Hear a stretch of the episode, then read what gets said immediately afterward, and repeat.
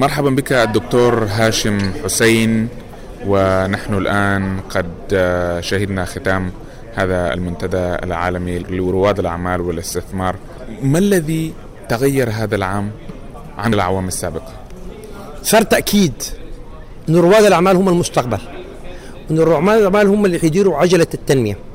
في زمن جائحة الكورونا ال entrepreneurs resilience وضحت جدا إنه عندهم القوة عندهم الطاقات للاستمرار بالرغم إنه حصل نوع من ال disturbance في سلاسل التوريد. لكن في نفس الوقت الجائحة دفعت للولوج في الواجهة الثورة الرقمية والثورة الصناعية الرابعة.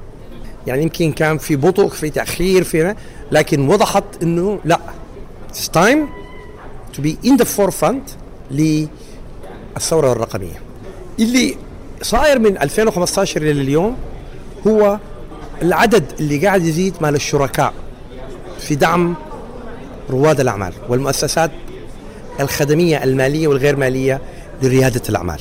المفهوم الدولي صار لهذا المنتدى العالمي لرواد الأعمال من خلال المظلة بتاعت الأمم المتحدة أكد ال sustainability الديمومة المنتدى العالمي لرواد الأعمال. طيب نوعية رواد الأعمال نفسهم نوعيه الشركاء والخبراء okay صار في نضوج في ماذا يجب أن نقوم به لدعم الابتكار وريادة الأعمال وتمكين الشباب والمرأة.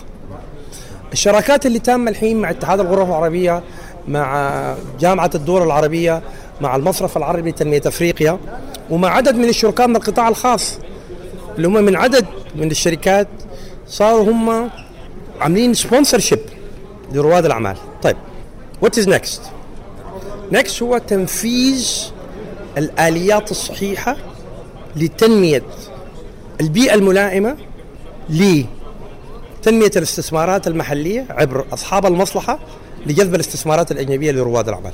نعم تم تبني إعلان الإمارات العربية المتحدة على غرار الإعلان الذي تم تبنيه في 2015 2017 و19 نعم. حدثنا باختصار عن هذا هذا البيان بيان الإمارات. هذا البيان ركز على في الدبي إكسبو اللي هو أول إكسبو يكون في المنطقة العربية وأفريقيا والدور بتاع ال connecting mind ال connecting brain التواصل بين العقول.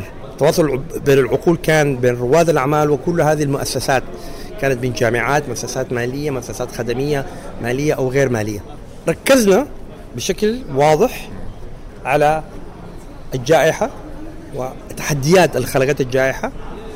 ركزنا على الثورة الصناعية الرابعة ودورها وكيف ان رواد الأعمال ليه بنستفيدوا منها.